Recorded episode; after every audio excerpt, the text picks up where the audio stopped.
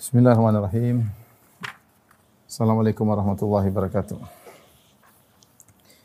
Alhamdulillahi ala ihsani wa syukru lahu ala taufiqihi wa amtinani. Asyhadu an la ilaha illallah wahdahu la syarika lahu ta'ziman li sya'ni wa asyhadu anna Muhammadan abduhu wa rasuluhu da'ila ridwani. Allahumma salli alaihi wa ala alihi wa ashabihi wa ikhwani. Hadirin dan hadirat, uh, Majelis Taklim Kolbun Salim yang dirahmati oleh Allah Subhanahu wa taala, kita masih dalam bab al-mubadarah ilal khairat, yaitu bersegera dalam melakukan kebaikan-kebaikan, ya. Dan kita masuk pada pertemuan yang kedua terkait dengan bab ke-10 ini. Uh, kita sampai pada hadis ke-91 an Anasin radhiyallahu anhu anna Rasulullah sallallahu alaihi wasallam akhadha sayfan uh, yauma Uhud dari Anas bin Malik radhiyallahu anhu Rasulullah SAW mengambil pedang pada waktu perang Uhud. Faqala man ya'khudhu minni hadha. Siapa yang mau mengambil pedang ini dariku yaitu menggunakan pedang ini untuk berperang. Pedangnya Rasulullah sallallahu alaihi wasallam. Fabasatu aydiyahum kullu insanin minhum yaqul. Maka para sahabat segera menjulurkan tangan mereka ingin mengambil pedang yang ditawarkan oleh Nabi sallallahu alaihi wasallam. Setiap mereka berkata, "Ana, ana, saya Rasulullah, berikan kepadaku, berikan kepadaku." Kemudian Rasulullah SAW bertanya kedua kali, Faman ya'khudhuhu bihaqqihi. Siapa yang bisa mengambil pedang ini dan menunaikan haknya? Mengambil pedang ini boleh tapi menunaikan haknya. Fa'ahjamal qaum. Maka orang-orang pun tidak jadi menurunkan tangan mereka. Tadinya mereka bilang saya, saya, saya. Ketika Rasulullah SAW persyaratkan siapa yang bisa mengambil pedang ini dengan menunaikan haknya, maka para sahabat pun uh, balik ya tidak menjulurkan tangan mereka Faqala Abu Dujanah, maka berkata Abu Dujanah, Ana akhudhuhu bihaqqihi. Kata Abu Dujanah, aku akan mengambilnya dengan haknya. Ya, kemudian Rasulullah SAW memberikan pedang tersebut kepada Nabi Shallallahu Alaihi Wasallam. Rasulullah SAW memberikan kepada Abu Dujana. Fa'akhadahu maka Abu Dujana pun mengambil pedang tersebut. Fa'falaqa bihi hamal musyrikin. Maka Abu Dujana pun menghantam atau memecahkan kepala-kepala kaum musyrikin. Hadis riwayat Muslim. Kemudian Imam Nawawi berkata, Ism Abi Dujana, nama Abu Dujana adalah Simak bin Kharashah. Simak bin Kharashah. Dan sab, uh, perkataan Anas dalam hadis ini, ahjamal qaum ay tawaqqafu. Yaitu berhenti tadinya mereka minta pedang, akhirnya mereka berhenti tidak jadi minta pedang. Wa falaqa bihi ay syaqqa. Falaqa mana syaqqa hamal musyrikin ay ru'usam. Yaitu memecahkan kepala kaum musyrikin. Di sini dibawakan oleh Imam Nawawi rahimahullah taala ya eh, terkait dengan peristiwa perang Uhud ya. Perang perang yang eh, perang yang terjadi pada tahun 3 Hijriah di mana kaum muslimin sekitar berjumlah 700 orang harus berhadapan dengan 3000 orang ya. Oleh karenanya Rasulullah SAW memasang strategi yang luar biasa karena musuh ya satu banding empat lebih. Tujuh ratus lawan eh, tiga ribu ya. Ini adalah pertarungan yang berat. Apalagi orang-orang Quraisy datang membawa pasukan yang banyak dan juga membawa eh, peralatan perang yang luar biasa. Oleh karena Rasulullah SAW memotivasi para sahabat untuk berperang dengan sungguh-sungguh ya. Rasulullah SAW motivasi di antaranya Rasulullah SAW mengatakan kumu ila jannatin ardu samawati wal ard. Bangkitlah menuju surga yang luasnya seluas langit dan bumi. Maka para sahabat semangat. Di antaranya Rasulullah SAW motivasi dengan memberikan pedangnya. Ya tentu seorang senang ketika bisa berjihad dengan menggunakan pedang Nabi Shallallahu Alaihi Wasallam. Ya pedang yang berkah yang dari Nabi Shallallahu Alaihi Wasallam. Maka inilah di antara cara Nabi Shallallahu Alaihi Wasallam motivasi. Maka Rasulullah SAW berkata, Man ya'khudhu minni hadha? Siapa yang mau mengambil pedangku untuk berperang? Kemudian para sahabat segera menjulurkan tangan mereka untuk mengambil pedang. Nah, di sinilah yang menjadi perhatian kita. Fabasatu aydiyahum artinya para sahabat segera tidak menunda-nunda. Para sahabat bersegera untuk bisa uh, semangat berjihad menggunakan pedang Nabi meskipun mereka harus mati. Enggak ada masalah bagi mereka. Mereka semangat. Makanya semua menjulurkan tangan mereka. Enggak ada yang tidak menjulur, semuanya menjulurkan. Dan semua berkata, saya Rasulullah, saya Rasulullah. Artinya mereka ingin perang, ingin perang dengan pedang. Nabi SAW meninggal atau tidak meninggal bukan urusan. Yang penting semangat mengambil pedang kemudian ber, bertempur. Ini uh, semangat para sahabat. Ini ini yang dimaksud oleh Imam Nawawi rahimahullah taala kenapa dibawakan dalam uh, bab ini ya, yaitu bagaimana semangat para sahabat ketika ditawarkan untuk berperang dengan pedang Nabi, maka mereka semua semangat, semua menjulurkan tangan minta agar bisa berperang dengan pedang Rasulullah sallallahu alaihi wasallam. Namun ternyata Rasulullah wasallam mempersyaratkan, "Faman ya'khudhuhu bihaqqihi" Siapa yang bisa mengambil pedang dengan haknya? Kalau mau perang dengan pedangku, maka harus uh, menunaikan haknya. Ketika Rasulullah SAW memberi persyaratan tersebut, fa'ahjamal kaum maka orang-orang pun mundur. Para sahabat tadi yang semangat mundur. Bukan karena takut sama sekali.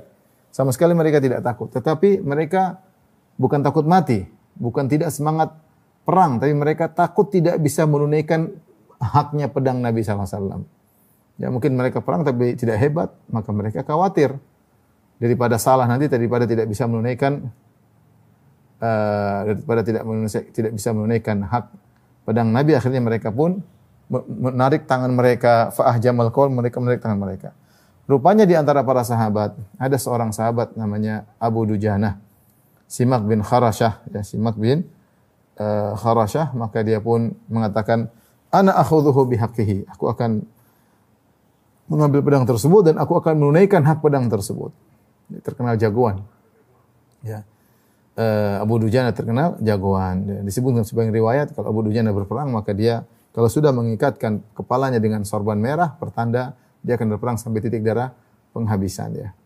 Maka dia mengikat kepalanya dengan seber merah, kemudian dia berjalan di tengah barisan antara kaum muslimin kaum musyrikin dengan jalan penuh kesombongan. Sampai Rasulullah SAW sebagian riwayat mengatakan inna hala misyatun uh, yugdibuha Allah illa fi hadal mautin.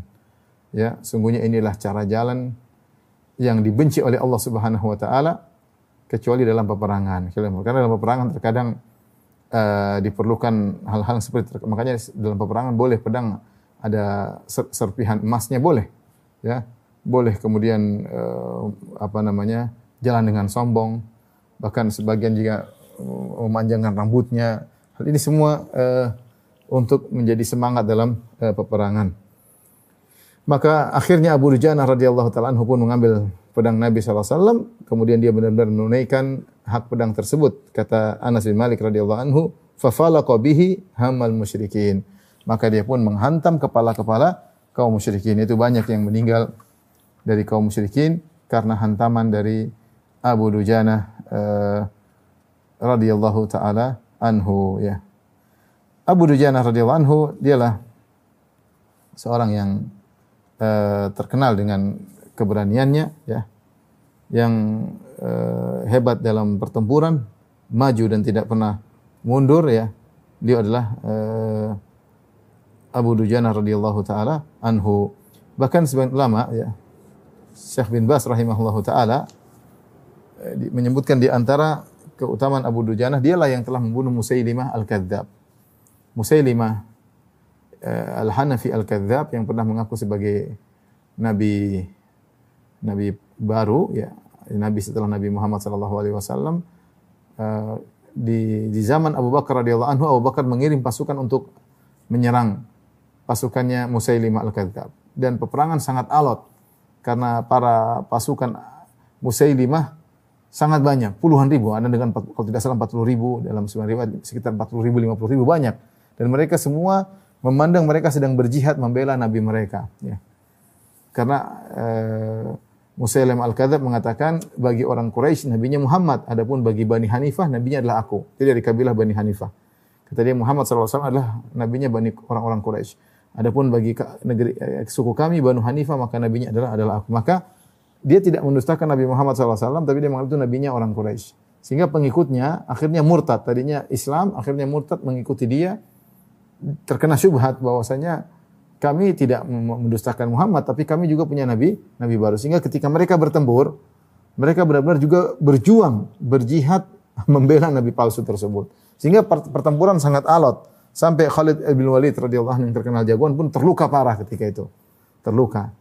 Dan uh, akhirnya terjadi pertemuan namanya pertempuran Ma'rakatul Hadiqah yaitu suatu taman di situlah bentengnya Musailim Al-Kadzab mereka kemudian masuk semua situ terjadi perang yang yang hebat. Padahal ketika itu Musailim Al-Kadzab disebutkan berdasarkan sebagian sejarah disebutkan umurnya sudah 100 tahun lebih. tapi kuat dalam bertempur, sulit untuk ditaklukkan.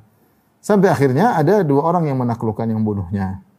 Ya, kata uh, Wahsy uh, Wahsy bin Harb yang telah membunuh paman Nabi sallallahu alaihi wasallam itu Hamzah bin Abdul Muthalib dalam perang Uhud ya. Dia yang melemparkan panah kalau sudah lempar eh, tombak kalau sudah lempar tombak jarang meleset. Ini melempar tombak kemudian masuk di di bawah pusar Hamzah bin Abdul Muttalib radhiyallahu anhu kemudian keluar di belakang di belakangnya sehingga kemudian Hamzah pun meninggal dunia mati syahid dalam perang Uhud. Kemudian Wahsy pun pergi.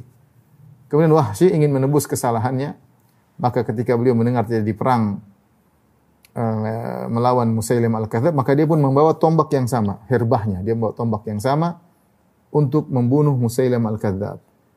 Kemudian uh, dia pun melemparkan ya melemparkan uh, tombaknya akhirnya mengenai Musailimah al-Kadzab. Dan ada seorang Ansori yang memenggal kepala juga membunuh Musailimah al-Kadzab.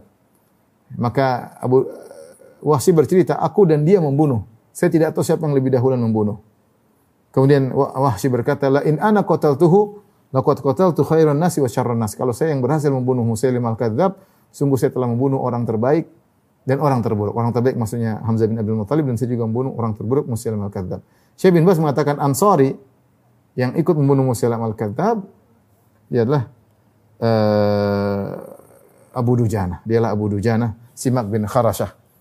Jadi Abu Dujana berarti menunjukkan ketika dia sampai kepada Musailim al-Kadzab berarti dia sangat hebat. Dia berani maju maju maju sampai menembus pertahanan. Karena Musailim al-Kadzab adalah tokoh yang dilindungi ya.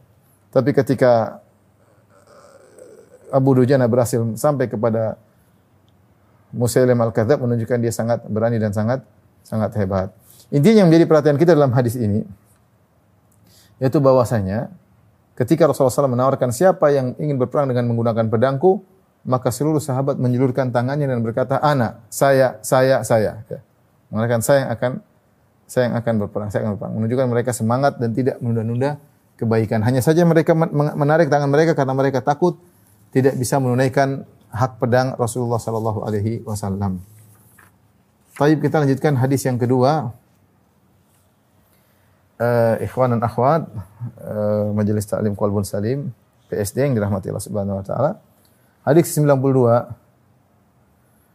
Ani Zubair bin Adi qala ataina Anas bin Malikin. Kata Zubair bin Adi, kami mendatangi Anas bin Malik radhiyallahu taala anhu fasyakawna ilaihi ma nalqa minal hajjaj. Kami mengeluhkan kepada Anas bin Malik tentang eh, apa yang dilakukan Hajjaj kepada kami. Ya. Hajjaj bin Yusuf As-Saqafi, seorang pemimpin yang uh, sadis ya.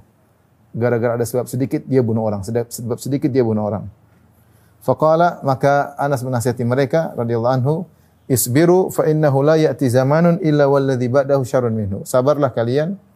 Sungguhnya tidaklah tidaklah datang suatu zaman kecuali yang setelahnya lebih buruk daripada sebelumnya. Hatta talqaw rabbakum. Sampai kalian bertemu dengan Rabb kalian. Sami'tuhu min nabiyyikum. Aku mendengar hal ini dari nabi kalian sallallahu alaihi wasallam hadis riwayat Bukhari. Hadis riwayat Bukhari. Uh, uh, hadis ini ya uh, menjelaskan tentang kejahatan yang dilakukan oleh Hajjaj. Hajjaj uh, bertemu atau muncul di zaman Anas bin Malik. Anas bin Malik radhiyallahu anhu uh, berusia 100 tahun lebih atau sekitar 100 tahun dan beliau wafat sekitar tahun 92 Hijriah atau tahun 93 Hijriah. Ya. Berarti Hajjaj ini muncul di akhir-akhir uh, di seperempat terakhir abad pertama Hijriah. Ya. Karena Anas bin Malik wafat sekitar tahun 90 lebih Hijriah. Dan Hajjaj bin Yusuf Al-Thaqafi ya adalah orang yang yang sangat sadis ya, yang sangat sadis. Ketika dia datang ke Kufah ya uh, kemudian dia memakai apa namanya kain yang dia lipatkan mutalasiman dia memakai kain yang sorban ditutup di wajahnya maka dia berkata kepada ahlul Kufah, orang Kufah. Dia berkata, "Ya ahlul Kufah, inni la ara ru'usan qad ayna'at wa hana qitafuha."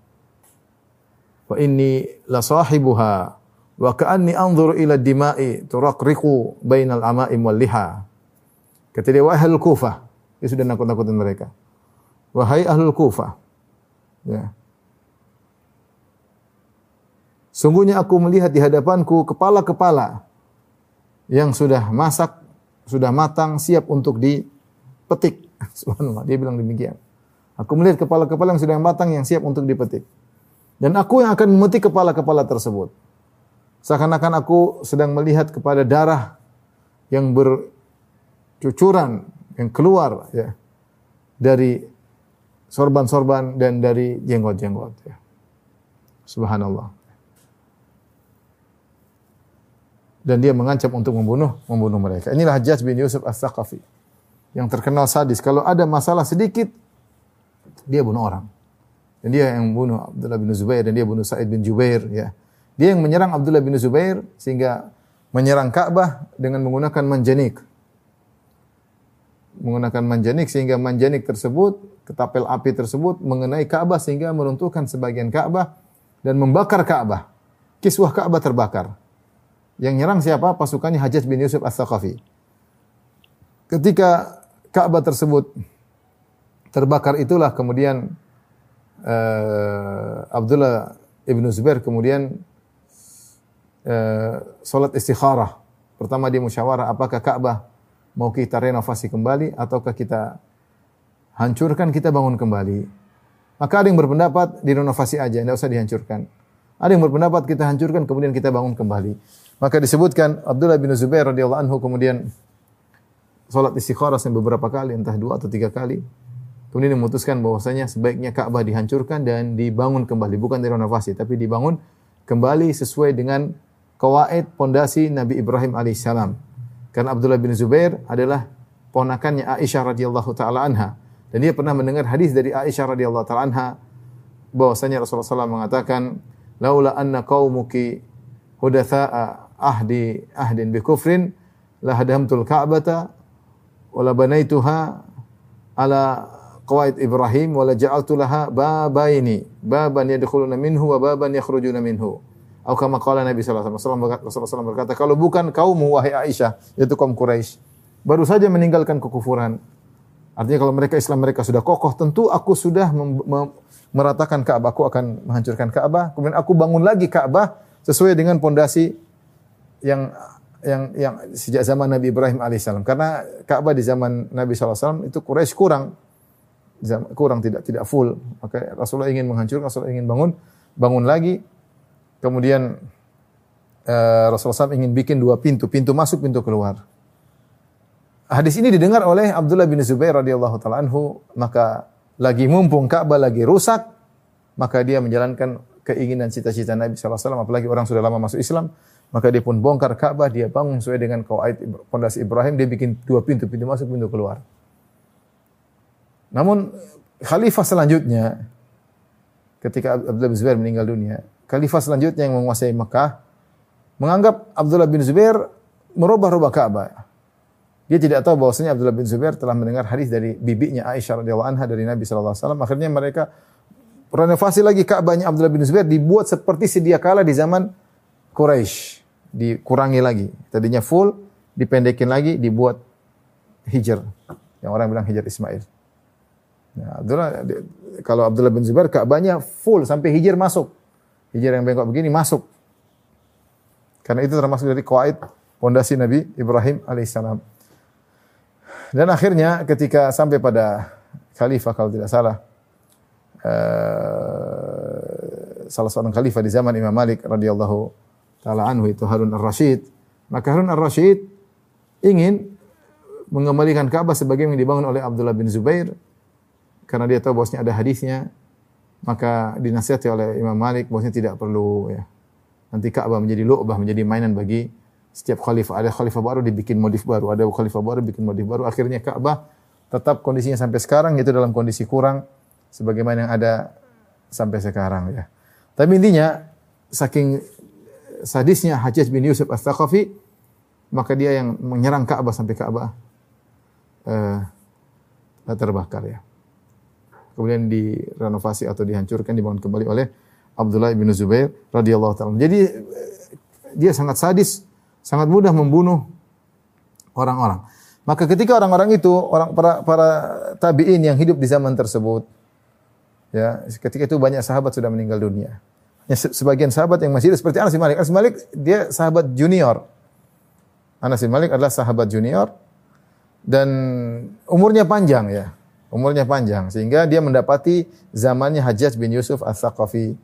Maka orang-orang mencari orang berilmu untuk ditanya. Itu zaman di situ ada Hasan Al-Basri, ada para tabi'in. Maka orang-orang ini datang kepada mendatangi Anas bin Malik. Kemudian mereka menanyakan apa yang harus mereka lakukan. Apa yang harus mereka lakukan? Maka Anas bin Malik berkata, "Isbiru sabarlah kalian fa innahu la ya'ti zamanun illa walladhi ba'dahu syarrun minhu. Sungguh tidak tidak datang satu zaman kecuali zaman setelahnya lebih buruk daripada yang sebelumnya. Hatta talqau rabbakum sampai kalian bertemu dengan Rabb kalian. Jadi Anas bin Malik menyuruh untuk bersabar. Untuk bersabar bukan untuk memberontak. Padahal Hajjaj bin Yusuf Al-Thaqafi sudah luar biasa ya uh, sadisnya dan dialah dari salah satu umara dari para khalifah-khalifah Bani Umayyah ya. Terkenal sadis, terkenal bengis, suka menumpahkan darah ya. Dia yang telah mengepung Mekah kemudian menyerang Abdullah bin Zubair sampai uh, Ka'bah pun rusak gara-gara dia ya. Uh, namun Anas bin Malik adalah seorang sahabat yang mulia yang penuh dengan ilmu. Dialah khadim Rasulullah, pembantu Rasulullah SAW. Abu Hamzah, maka dia nasihati bukan untuk berontak, dia mengatakan, isbiru, bersabarlah. Bersabarlah karena tidaklah datang suatu zaman kecuali setelahnya lebih buruk daripada zaman sebelumnya. Bersabarlah sampai kalian bertemu dengan Rob, Rob kalian. Di sini nasihat dari Anas bin Malik agar untuk bersabar dan sabar situ ada ada amal saleh. Dan ini benar bahwasanya rusaknya penguasa biasanya disebabkan oleh rakyatnya sendiri. Makanya Allah Subhanahu wa taala berfirman dalam satu ayat kata Allah Subhanahu wa taala surat Al-An'am ayat 129 Fakadzalika nuwalli ba'dadh-dhalimina ba'dhan bima kanu yaksibun. Dan demikianlah kami menjadikan sebagian orang zalim menjadi pemimpin bagi orang zalim yang lain akibat dosa-dosa yang mereka lakukan. Jadi sebagian rakyat mendapati pemimpin yang zalim karena rakyat sendiri bermasalah, karena rakyatnya sendiri ber, bermasalah ya. Oleh karenanya ketika disebutkan uh, zaman Abdul Malik bin Marwan salah seorang dari khulafa Bani Umayyah kalau tidak salah Abdul Malik bin Marwan disebutkan oleh Syekh Utsaimin dalam syarah Qidus Salihin Abdul Malik bin Marwan mengumpulkan wujuha nas itu mengumpulkan para pembesar-pembesar masyarakat karena dia mendengar orang-orang mulai mengkritiki pemerintahannya orang pada mengkritiki mengkritiki maka dia panggil semua Kemudian dia berkata kepada para pembesar-pembesar masyarakat tersebut, "Ayuhan nas aturiduna an, an nakuna lakum kama kana Abu Bakar Umar?" Wahai masyarakat, wahai kalian sekalian para pembesar-pembesar, apa kalian ingin kami bagi kalian seperti Abu Bakar dan Umar? Kami kalian ingin kami seperti Abu Bakar dan Umar? Apa jawaban pembesar-pembesar tersebut? Qalu bala nuridu dzalik. Iya, kami ingin engkau wahai uh, Abdul Malik bin Marwan seperti Abu Bakar atau Umar. Maka apa jawaban Abdul Malik bin Marwan? Bin Marwan? Kunu kunu karrijali alladziina tawalla alaihim Abu Bakar Umar. Kalau kalian ingin kami seperti Abu Bakar dan Umar, jadilah kalian seperti rakyat di zaman Abu Bakar dan Umar. Jadilah kalian rakyat seperti Abu Bakar dan Umar. Linakuna lakum ka Bakar agar kami bisa seperti Abu Bakar dan Umar. Ya. Ya ini dia ingin menjelaskan bahwasanya uh, kondisi penguasa sama dengan kondisi masyarakat. Kalau uh, kalau ada penguasa yang zalim, biasanya akibat dari rakyat rakyat juga demikian. Sebagaimana tadi Allah mengatakan wa kadzalika nuwalli ba'dadh dhalimina ba'dhan bima kanu yaksibun demikianlah kami menjadikan sebagian orang zalim menjadi pemimpin bagi orang zalim yang lain akibat ulah perbuatan mereka. Demikian juga disebut dalam sebagian uh, perkataan uh, sebagaimana kalian yuwalla alaikum yaitu kama takunun yuwalla alaikum sebagaimana kalian maka akan dijadikan pemimpin sebagaimana lainnya kalian juga. Ini juga disebutkan asar dari Ali bin Abi Thalib sebagian orang Khawarij yang tidak suka dengan Ali bin Abi Thalib yang mengkafirkan Ali bin Abi Thalib dan yang datang kepada Ali bin Abi Thalib. Ya. Uh, Kemudian mereka protes, mereka bilang, "Wahai Ali, kenapa orang-orang semua uh, protes sama engkau sementara mereka dulu tidak protes kepada Abu Bakar dan Umar?" Tidak ada kedengaran orang protes Abu Bakar, protes sama Umar, enggak ada. Kenapa masyarakat sekarang protes sama engkau wahai Ali bin Abi Thalib? Maka apa jawaban Ali bin Abi Thalib? Dia berkata, "Li anna rijala Abi Bakar wa Umar ana wa amsali." Karena rakyat di zaman Abu Bakar dan Umar adalah aku dan yang semisal aku. Wa rijali anta amsaluk. Adapun rakyat di zamanku seperti engkau dan yang semisalmu.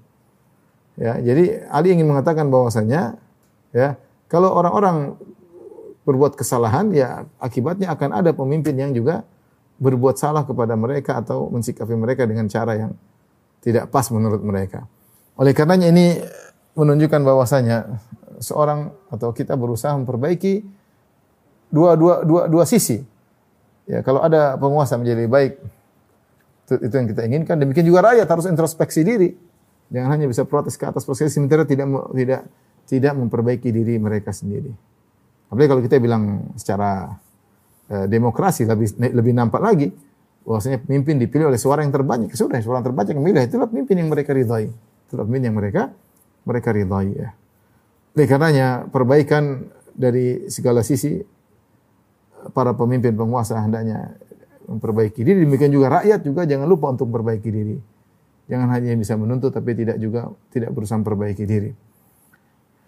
Oleh karenanya jalan keluar yang disampaikan oleh Anas adalah isbiru, bersabarlah, tidak memberontak, tidak tidak mengangkat senjata untuk menumpahkan darah ya.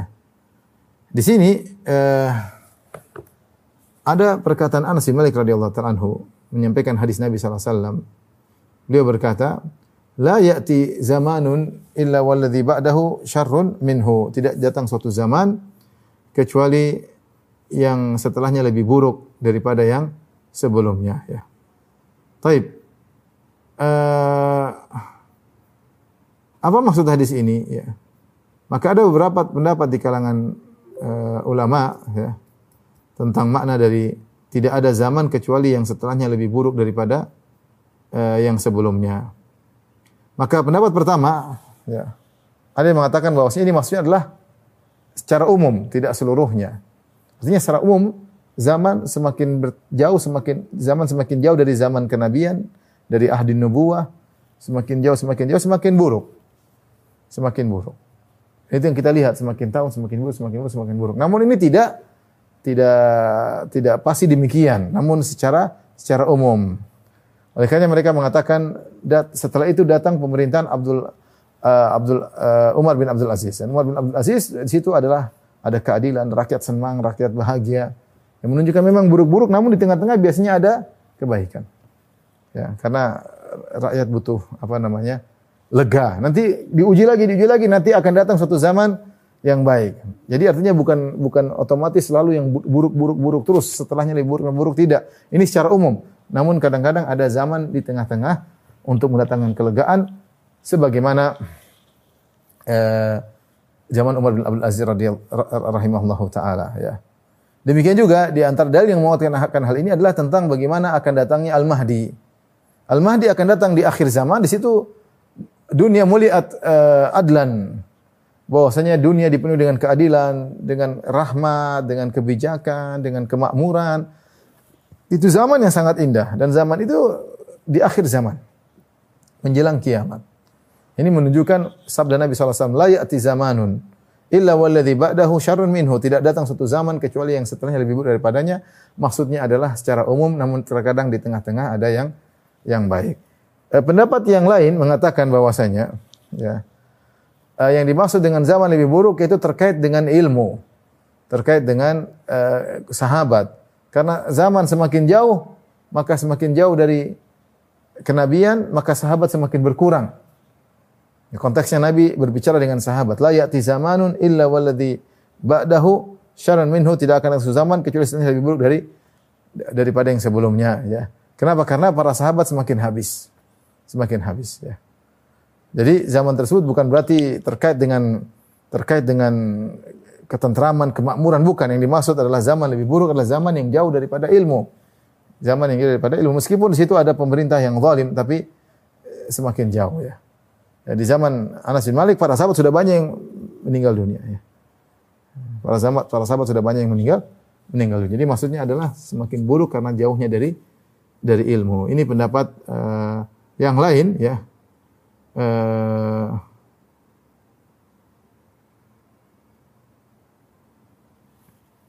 uh, Ibnu Hajar punya pendapat yang ketiga, dia tidak dia tidak mengkaitkan dengan sahabat tapi dia mengatakan secara umum para ulama. Para ulama semakin jauh dari zaman kenabian semakin habis semakin habis. Ilmu semakin berkurang. Orang-orang saleh semakin berkurang sehingga tidak terjadi amar ma'ruf nahi mungkar di antara di antara mereka. Jadi ini tiga pendapat yang dimaksud dengan tidak satu zaman kecuali yang setelahnya lebih buruk. Pendapat pertama bahwasanya itu tidak umum secara secara uh, secara dominan seperti itu tapi terkadang ada zaman-zaman yang baik di sela-selanya. Pendapat kedua artinya ditinjau dari keberadaan sahabat semakin zaman bertambah semakin sedikit sahabat yang menunjukkan semakin buruk.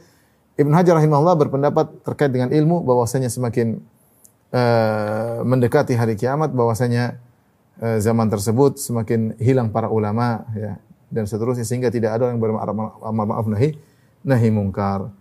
Eh, wallah alam bisawab ya. Eh, semua punya masing-masing punya hujah. Eh, namun saya lebih cenderung kepada pendapat yang pertama bahwasanya itu adalah dominan seperti itu tapi tidak selalu demikian. Kita dapati kebaikan ada saja ya. Kebaikan ada saja dalam satu masa atau dalam satu lokasi tertentu Ya, Allah memunculkan banyak ulama sempat sempat orang apa namanya terjadi kerusakan kemudian muncul ulama-ulama dari satu abad ke abad kemudian satu tempat ke lokasi yang lain ya maka muncullah seperti Ibnu Hajar, muncullah seperti Ibnu Taimiyah, muncullah seperti Ibnu Qayyim rahimahullah taala. Kemudian di zaman uh, seperti Syekh Muhammad bin Wahab rahimahullah taala yang tadinya negeri penuh dengan kesyirikan, kemudian tegaklah syariat. Ini semua ya menunjukkan bahwasanya memang secara umum zaman selalu buruk namun ada di sana zaman-zaman yang uh, ilmu berkembang lagi. Seperti kita lah, kita zaman sekarang kita ini. Kita bicara 30 tahun lalu, tidak ada hampir tidak ada dakwah di tanah air mungkin karena kurangnya ilmu, kurangnya kitab-kitab, kurangnya sarana. Sekarang alhamdulillah ya dakwah berkembang, ilmu berkembang meskipun kemaksiatan juga merajalela. Tapi maksud saya uh, Allah alam bisawab bahwasanya memang zaman semakin jauh dari zaman kenabian semakin buruk, semakin terpuruk, tapi ada saja di sela-sela itu ada zaman-zaman keemasan sampai di akhirnya di zaman Imam Mahdi, Imam Mahdi uh, yang akan datang yang kemudian akan memperbaiki dunia yang penuh dengan kezaliman, uh, kerusakan menjadi makmur dan penuh dengan keadilan. Taib apa sisi pendalilan dari hadis ini dibawakan oleh Imam Nawawi rahimahullahu taala tentang bab bersegera dalam berbuat kebaikan.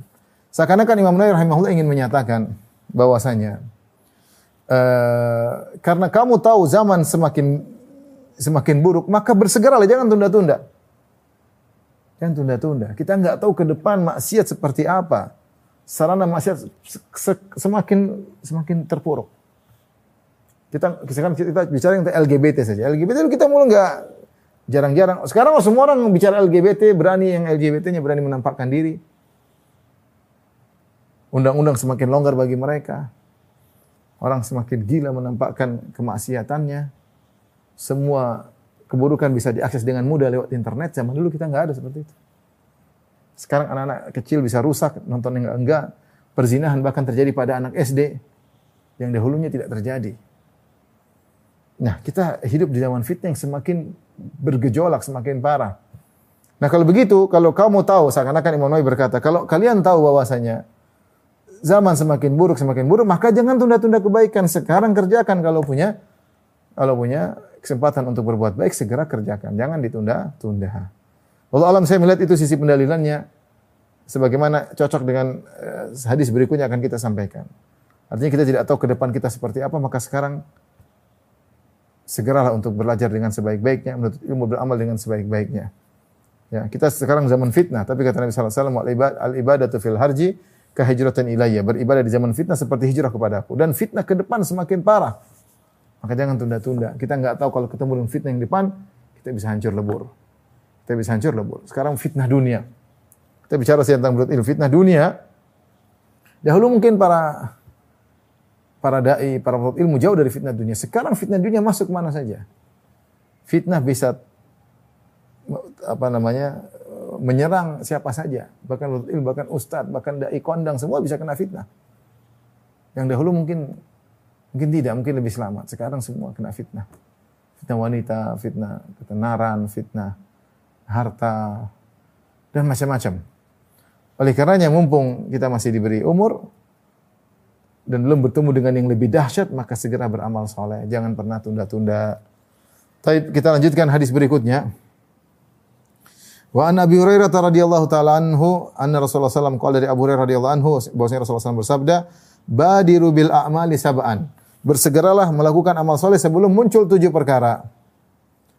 Hal tantaziruna, tidakkah kalian menunggu kecuali salah satu dari tujuh perkara ini, yaitu segera beramal sebelum datang dari salah satu dari tujuh perkara ini. Makanya Rasulullah berkata, "Badiru bil a'mali sab'an." Dahuluilah dengan melakukan amal soleh, dahuluilah tujuh perkara ini. Jangan sampai muncul kalian hendaknya beramal saleh sebelum muncul tujuh perkara ini. Apa tujuh perkara tersebut? Kata Nabi wasallam, "Hal tantaziruna illa faqran munsian." Tidaklah kalian menantikan kecuali kemungkinan pertama kefakiran yang melupakan. Yang kedua, auginan mutghiyan atau kekayaan yang menjadikan melampaui batas. Yang ketiga, au maradan mufsidan atau penyakit yang merusak. Yang keempat, au haraman mufnidan, yaitu tua yang membuat kalian pikun ngelantur ketika berbicara, mufnidan. Au mautan mujhizan atau kematian yang datang dengan tiba-tiba. Uh, kelima, yang keenam au dajjal fasyarrun syarru ghaibin yuntazar atau akan muncul dajjal dan dia adalah suatu yang gaib yang buruk yaitu yang belum muncul yang buruk yang sedang menanti. Dia adalah yang terburuk yang akan dinanti. Dan yang terakhir, au sa'ata atau kalian menunggu datangnya hari kiamat. Fasa'atu adha wa amar dan hari kiamat lebih dahsyat dan lebih pahit, lebih parah.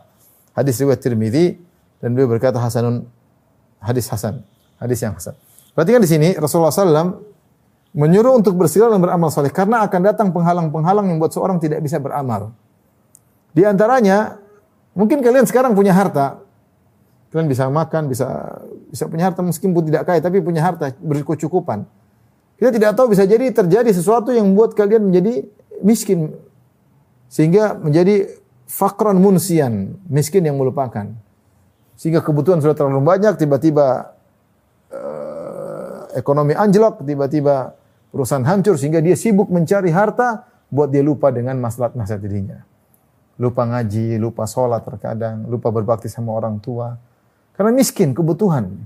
Lupa untuk menjaga diri, lupa untuk berakhlak mulia. Ini kemiskinan yang bisa melupakan bahaya. Ya. Lupa dengan agama, lupa dengan Allah Subhanahu wa taala gara-gara mengejar-mengejar dunia yang dia belum dapat-dapat. Maka sebelum kalian ditimpa dengan seperti ini, fakran munsian, kemiskinan yang melupakan, maka jangan lupa beramal soleh. Mumpung masih sehat, masih ada duit, masih bisa beribadah, beribadah. Beribadah. Kita sudah contoh pada sebelumnya ketika musim pandemi banyak orang yang berjatuhan. Berjatuhan ketika berjatuhan sudah mengaji nggak ada, lupa ribut sama keluarga, lupa banyak hal dia lupakan supaya dia bisa mencari harta. Ya. Waliyadzubillah semoga tidak mendapat mendapatkan kondisi seperti itu tapi Rasulullah ingatkan mumpung tidak seperti itu maka banyaklah berbuat uh, amal saleh. Yang kedua auginan mudghiyan, kekayaan yang membuat seorang melampaui batas. Allah Subhanahu wa taala berfirman, "Kalla innal insana la yatgha ar'ahu staghna." Sekali-sekali manusia itu layat go berbuat uh, melampaui batas. Kenapa? Ar'ahu staghna tatkala dia memandang dirinya sudah kaya. Ini banyak terjadi orang sudah merasa dirinya kaya maka dia semena-mena. Perkataannya semena-mena menjatuhkan orang, meremehkan orang, perbuatannya semena-mena, angkat suara, menjatuhkan menzalimi orang lain. Kenapa? Karena dia sudah kaya, berlebihan. Uangnya dihabis hambur-hamburkan. Ahlak tu mala lubada, aku habiskan harta, aku jalan ke sana, jalan kemari. Beli ini, beli kaya. Uang banyak mau diapain? Beli ini, beli barang, beli ini menambah hisap yang berat bagi dia. Belum kalau dia terjumus dalam kemaksiatan dengan uang du duit punya, mau apa, mau apa saja dia bisa. Ya. Jangan sampai seorang kaya mendadak lupa beramal soleh. Jangan sampai. Maka Rasulullah ingatkan beramallah karena kalau sudah punya harta terkadang sibuk. Sibuk dengan halal, lupa dengan dunia.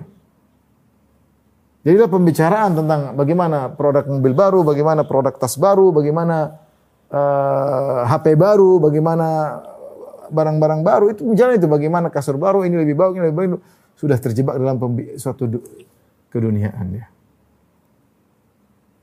Selalu bicara tentang hal yang, yang baru, yang baru, yang baru, yang baru, yang baru. Kita dulu waktu zaman apa namanya? Zaman pandemi sudah kita mulai sibuk main sepeda. Baru kerasa orang bicara sepeda, mulai sepeda saja ini belum bicara yang sepeda, sepeda model ini, model ini, merek ini mahal sekian, alatnya begini, onderdilnya sekian, aksesorisnya sekian. Subhanallah. Padahal untuk olahraga tidak harus yang besar-besar gitu, cukup. Tapi terbawa kesibukan. Duit ada. Ini baru sepeda, saya belum bicara motor, saya belum bicara mobil, saya belum bicara jam mewah, saya belum bicara jalan ke Eropa, sudah ke tempat ini enggak, sudah ke tempat itu enggak, oh tempat ini bagus. Bicara seputar itu. Kenapa?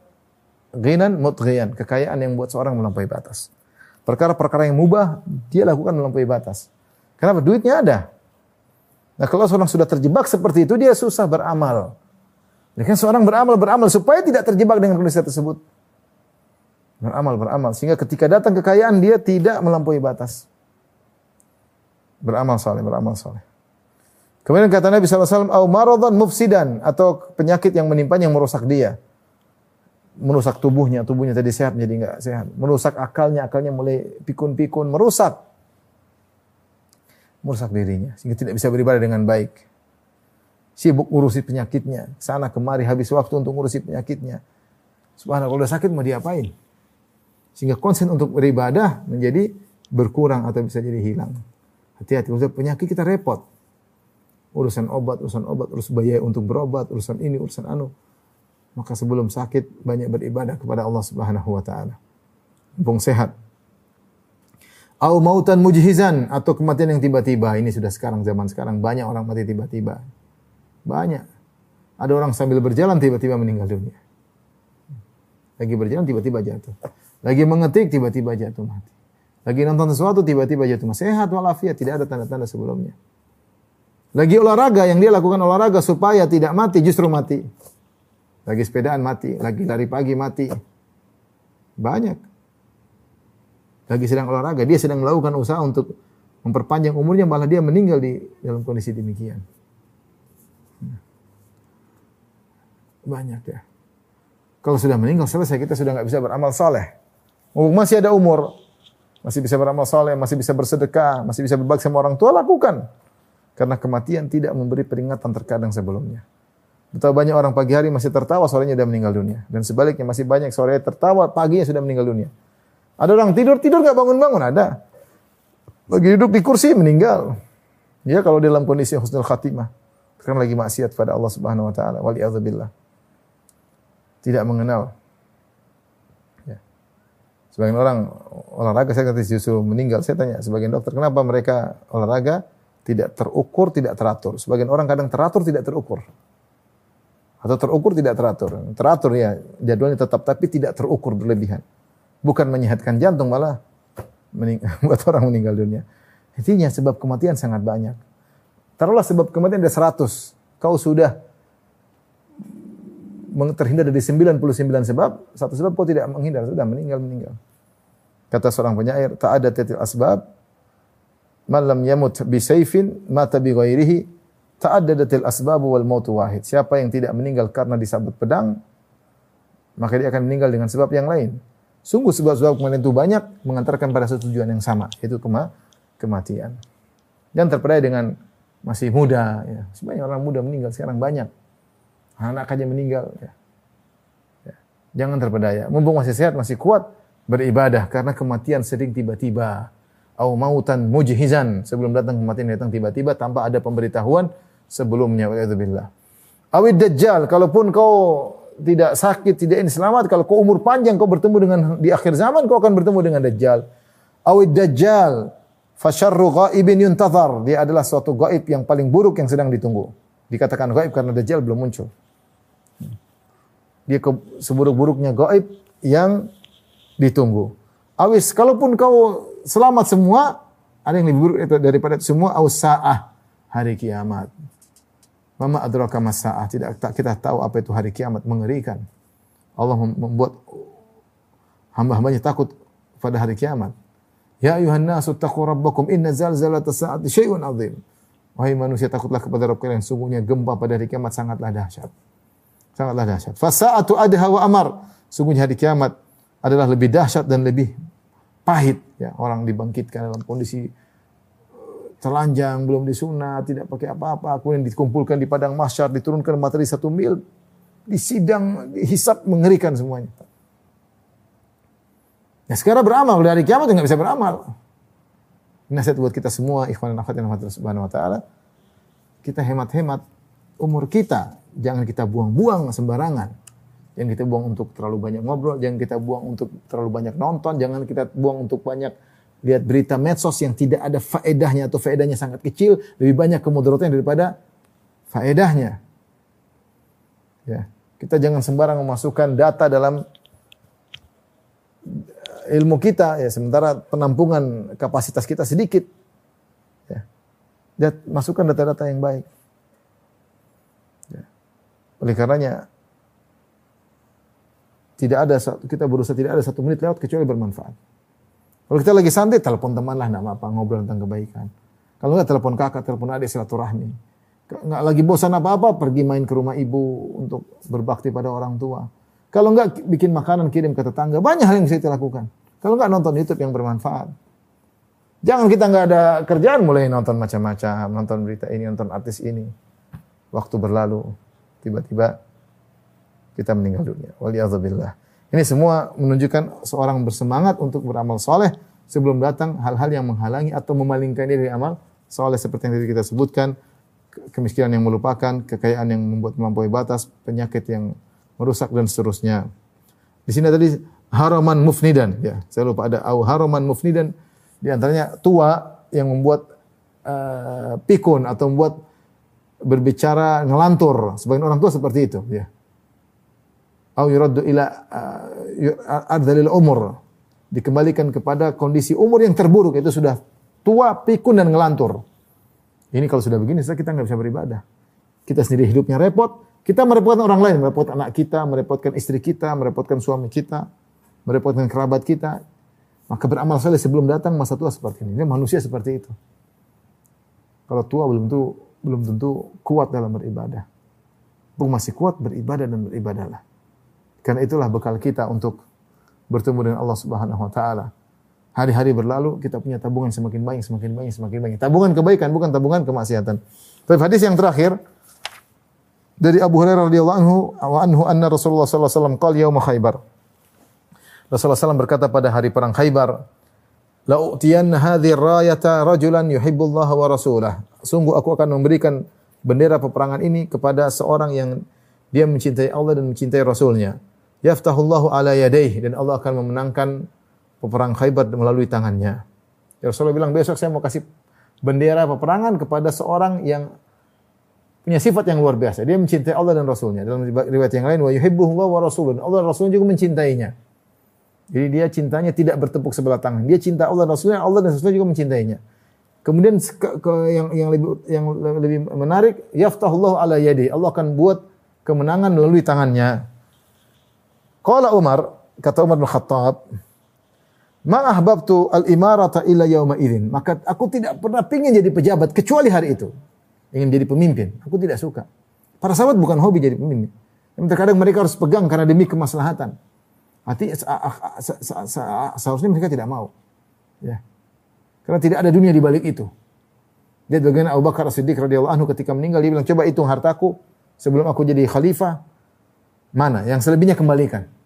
Umar pun demikian. Dia mengatakan, "Aku mengurus." Kata Umar bin Khattab, "Aku mengurus rakyat ini seperti mengurus anak yatim."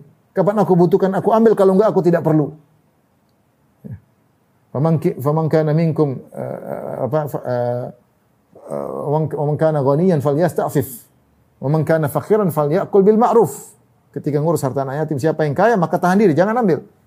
Siapa yang miskin maka makan secukupnya.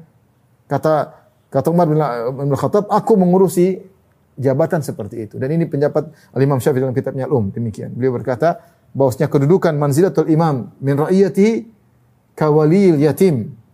Sungguhnya pemimpin kedudukan pemimpin terhadap rakyatnya seperti pengurus anak yatim. Jadi tidak ada dunia di situ. Tapi mereka terpaksa harus jadi pemimpin karena kalau enggak mereka siapa lagi dan mereka yang cari pahala di situ.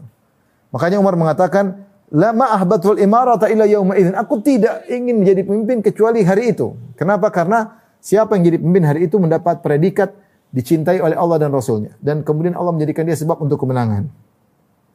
Fatasawartu laha, maka aku pun uh, datang. Dia, dia gini, pingin di, pingin dilihat oleh Nabi, pingin ditunjuk, eh Umar, pingin dipanggil oleh Nabi, kamu yang pegang bendera. Laha, aku pun ingin jadi pemimpin ketika itu. Raja'a an ud'a laha, aku pingin dipanggil oleh Nabi, Umar ambil bendera, Umar ingin. Ternyata Rasulullah SAW tidak manggil-manggil Umar. Fada'a Rasulullah SAW Ali bin Abi Talib. Ternyata Rasulullah SAW manggil Ali bin Abi Talib untuk jadi pemimpin. Fa'atahu iyyaha, maka Rasulullah pun berikan bendera kepada Ali bin Abi Thalib. Wa qala imshi wala uh, taltafit hatta yaftahullahu alaik. Berjalanlah engkau wahai Ali dan jangan kau berpaling, tengok kanan, tengok belakang sampai Allah memenangkan melalui tanganmu. Fasara Aliun syai'an, maka Ali pun jalan. Tidak berapa lama, semua waqafa, kemudian dia berdiri menuju perang menuju benteng Khaybar. Dia meninggalkan barisan Nabi menuju benteng Khaybar Semua waqafa kemudian dia berdiri walam yaltafit. Dia tidak balik untuk bertanya kepada Nabi karena Rasulullah mengatakan wala taltafit, jangan kau balik. Maka dia sambil membelakangi Nabi dia berteriak, "Ya Rasulullah," dia bertanya. "Wahai Rasulullah, ala madza uqatilun nas?" Atas dasar apa aku memerangi manusia? Memerangi orang Yahudi di Khaybar. Qala qatilhum hatta yashhadu an la ilaha illallah. Perangilah mereka sampai mereka mengucapkan la ilaha illallah wa anna Muhammadan Rasulullah dan mereka mengucapkan Muhammad adalah Rasulullah. Fa idza fa'alu faqad mana'u minka dima'ahum. Kalau mereka melakukan maka mereka telah menjaga harta mereka. Kau tidak boleh menumpahkan darah mereka. Wa amwalahum. Kalau mereka mengucapkan la ilaha illallah Muhammad Rasulullah maka harta mereka juga terjaga. Illa bihaqqiha kecuali dengan hak harta atau hak darah ya hak yang, yang mereka langgar. Wa hisabuhum 'ala Allah dan hisab mereka kembali kepada Allah Subhanahu wa taala. Hadis ini banyak faedah tentunya namun kita hanya menyampaikan bahwasanya bagaimana semangat para sahabat untuk meraih kebaikan. Ketika Rasulullah SAW menyatakan bahwasanya besok akan ada orang megang bendera yang dicintai oleh Allah dan Rasulnya dan dia akan menang melalui tangannya, Allah akan menangkan melalui tangannya, maka semua semangat, Umar juga semangat. Ini kebaikan. Maka mereka Umar mengatakan saya nampakkan wajah saya supaya saya dipanggil. Ternyata tidak. Tapi ini kenapa Umar demikian? Karena mereka Umar ingin mendapatkan gelar predikat dicintai oleh Allah dan Rasulnya, mencintai Allah Rasulnya dan dicintai oleh Allah dan Rasulnya. Dan ternyata yang dikasih Ali bin Abi Thalib. Dan lihat bagaimana Ali bin Abi Thalib langsung menjalankan perintah Nabi. Kata Nabi, walau taltafit, jangan kau tengok belakang. Ketika dia tanya, ada sesuatu yang ingin ditanya, ini tidak dia tidak tidak toleh ke belakang. Karena menjalankan perintah Nabi Shallallahu Alaihi Wasallam. Ini semua menunjukkan bagaimana semangat para sahabat untuk bersegera dalam melakukan amal uh, amal soleh ya. Dan ini juga dalil kata Syekh bin Bas rahimahullah taala bahwasanya Hukum asal bukan perang. Perang itu karena orang tidak mau mengucapkan la ilaha illallah Rasulullah. Lagi pula orang Yahudi mereka yang pertama kali berkhianat dalam perang Khaybar, eh, dalam perang Khandaq kemudian menyerang kaum muslimin bersama orang Quraisy. Maka Rasulullah SAW membalas keburukan mereka.